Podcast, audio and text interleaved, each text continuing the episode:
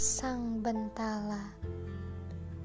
Andai ia menjelma menjadi suatu wujud, amat sangat derana hatinya. Berteriak, mengeluh tentang setetes peluh akan ulah para jiwa yang berpijak di bawah naungan dirgantaranya. Saat penciptaan setiap manusia, ia berasa akan sebuah kirana yang menghampiri. Dengan sanubari yang teramat bahagia, buah indah nan ranum siap menyambut para nurmala yang akan turun.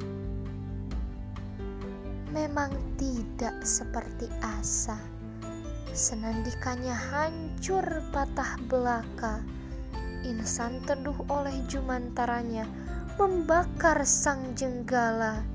Dalam wujudnya ia berderaikan kayu bakar. Karsa pelindung pun terhianati. Para burung mengadu tentang alamnya.